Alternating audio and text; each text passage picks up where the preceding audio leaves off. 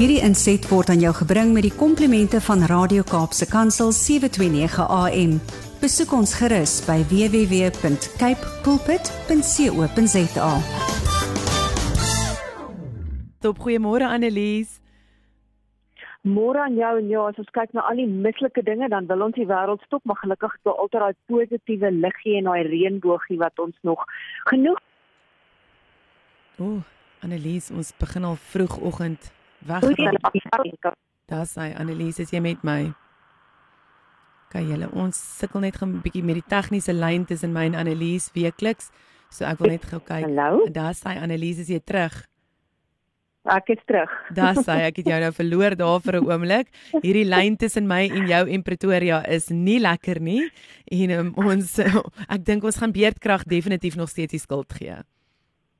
Verseker, verseker, definitief. Annelies, maar gaan sommer wegspring. Ons het praat die afgelope 3 weke bietjie oor dwelm, dwelm al die dinge rondom dwelmmishandel, dwelm al die goedjies en vanoggend gesels ons oor dwelmmyle, pione in hande van internasionale dwelm syndikaate.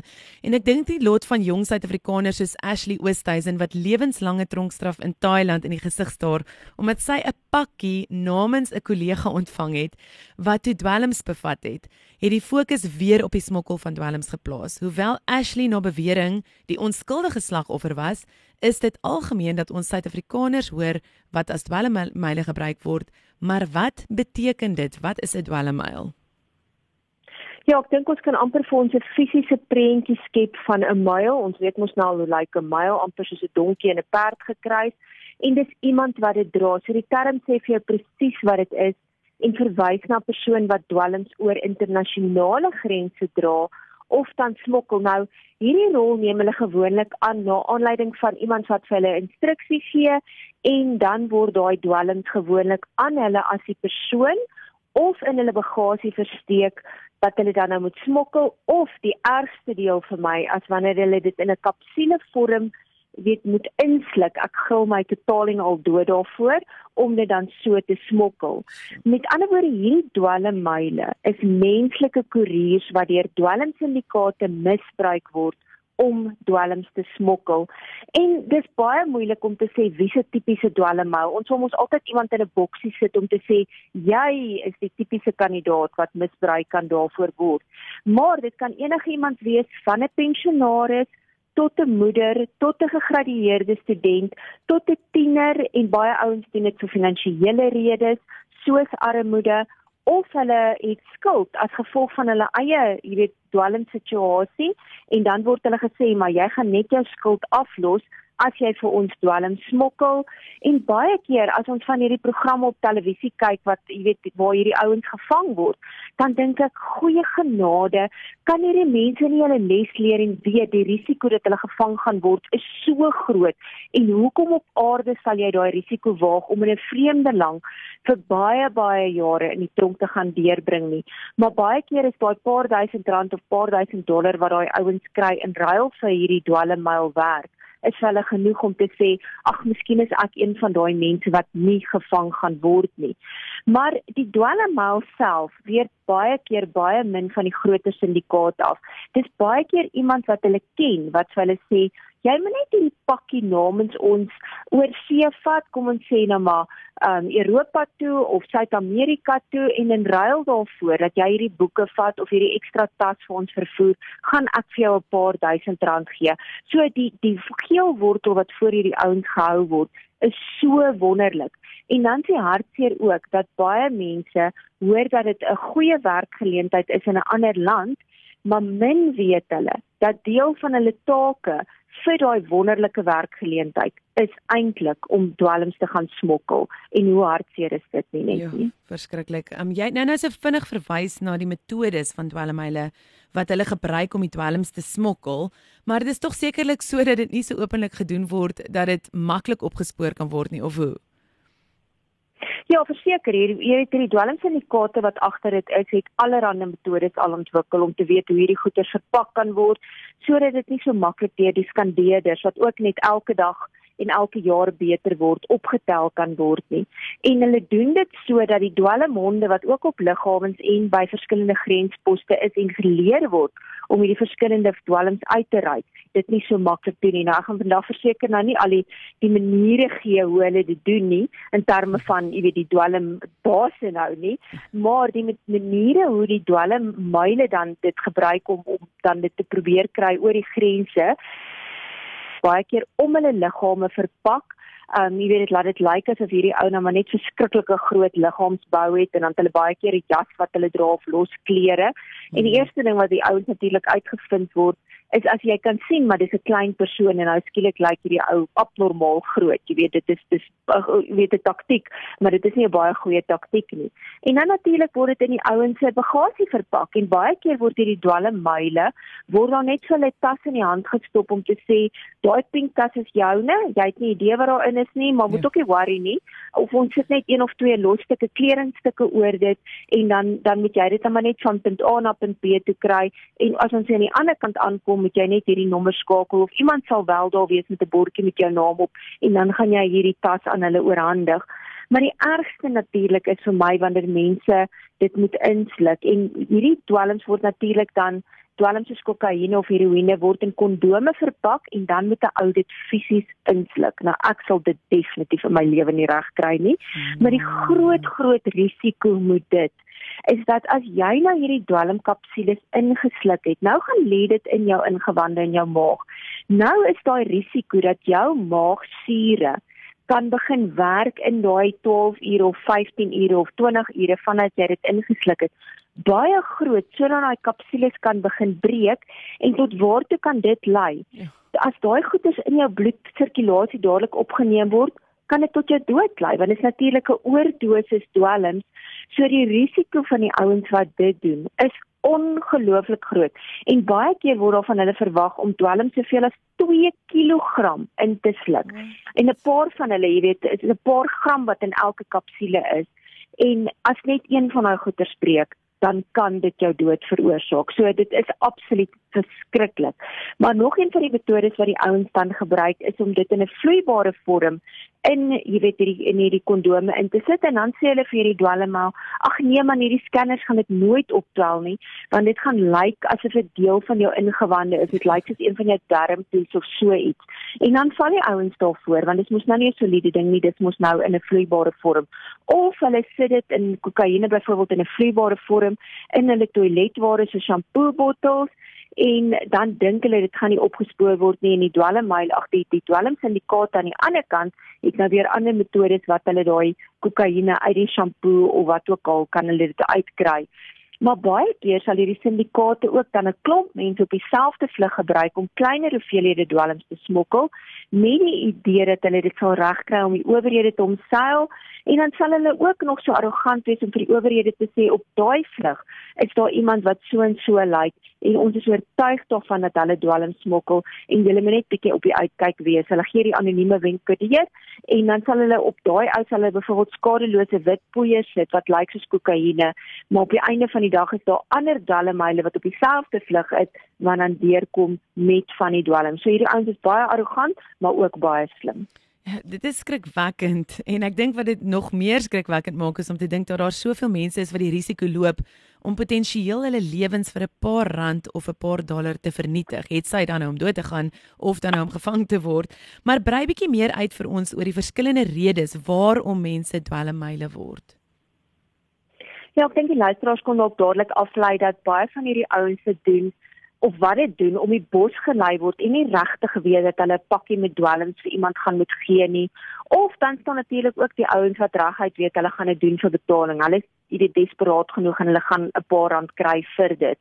Maar dieselfde groep weet eintlik nie wat die werklike omvang is van die misdaad wat hulle met help pleeg nie. So as jy dit doen vir finansiële redes, doen baie ouens dit regtig omdat hulle regtig desperaat is. Hulle is baie arm.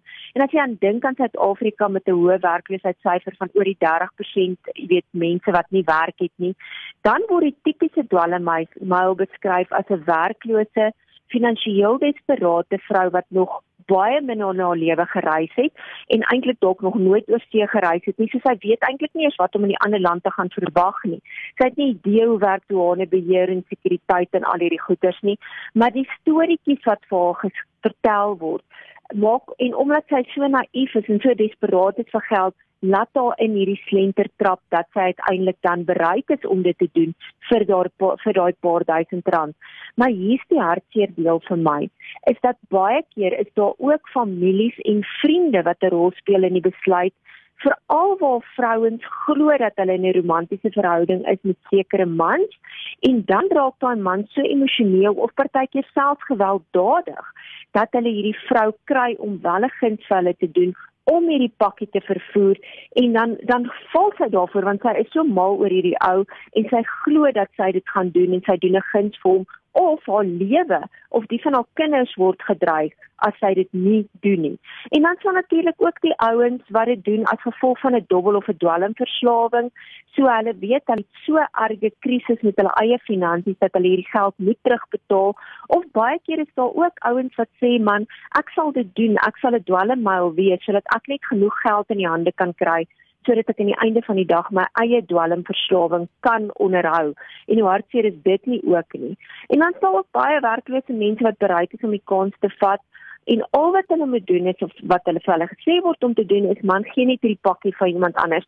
Vat net hierdie boeke vir iemand of wat ook al. Al wat jy moet doen is jy moet net vir my daai daai pakkie gaan veilig aflewer en dan word daar vir hulle net 'n algemene beskrywing gegee van daai persoon met 'n vals naam gewoonlik en hulle is bereid om dit te doen. So dis amper hierdie tipe van vat dit of los dit tipe werk jy doen nie jy doen wat vir jou gevra word, jy vra nie vra nie en jy kry jou betaling as jy suksesvol was.